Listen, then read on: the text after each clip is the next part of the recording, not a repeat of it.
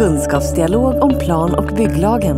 Miljöbedömningar i PBL-planer enligt det nya sjätte kapitlet miljöbalken. Föredragshållare är Klara Falk, planeringsarkitekt Boverket, Beatrice Buskas, jurist Boverket och Anna Åkerskog, samhällsplanerare på Naturvårdsverket. Tack Klara och Beatrice. Det var ju en jättebra kortfattad genomgång om vad de nya eh, reglerna kommer att handla om. Ehm, jag representerar Naturvårdsverket här och eh, jag vill berätta om att vår vägledning som vi håller på att skriva just nu och den kommer att finnas tillgänglig på webben från den 1 januari 2018 då de nya reglerna om miljöbedömning börjar gälla. Och när jag ändå pratar om miljöbedömning så vill jag verkligen rikta ljuset just mot ordet miljöbedömning. För jag tänker att den är ju en viktig markör som visar vikten av att betona processen och därmed syfte med miljöbedömning. Precis som ni sa, Klara och Beatrice. Syftet med miljöbedömning är ju att integrera miljöaspekter i planering och beslutsfattande så att en hållbar utveckling främjas. Det här kommer ni få höra många gånger. Och fokus på vår vägledning den kommer därför att ligga här på ja, men vad kommer det att innebära det här med att integrera miljöaspekter i planering? Vi tror att vi behöver bli bättre på att förklara och visa på exempel när det gäller just det.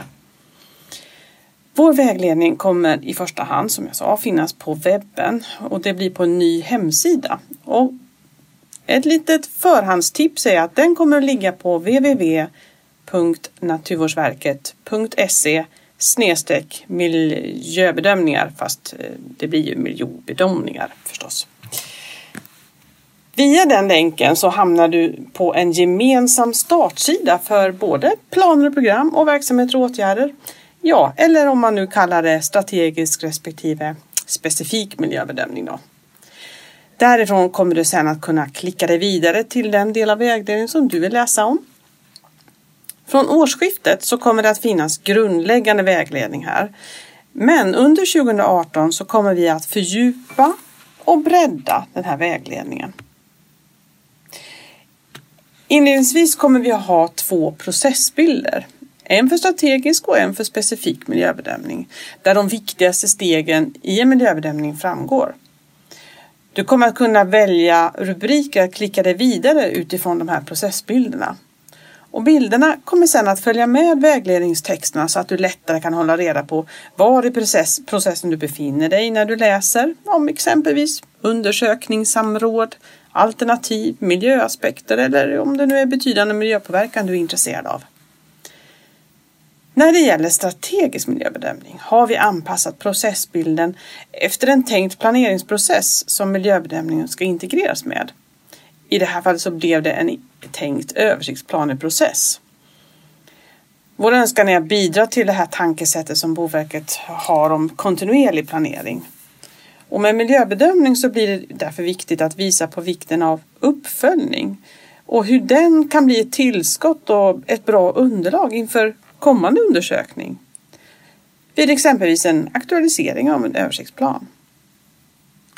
För detaljplaneprocessen ser det förstås lite annorlunda ut. Vägledning om eh, strategisk miljöbedömning kommer att samordnas med Boverkets vägledning på flera olika sätt. Inledningsvis sker det på webben genom länkar mellan sidor och lagstiftning.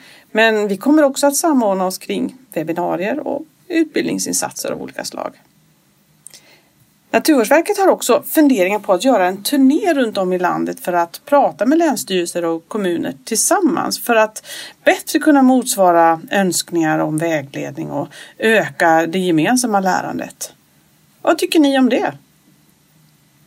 Har du förresten tips på processer som har fungerat väldigt bra? I så fall vill vi gärna prata mer med dig. Ja, det här var lite kort om vår kommande vägledning. Nu är det dags för frågor och diskussion.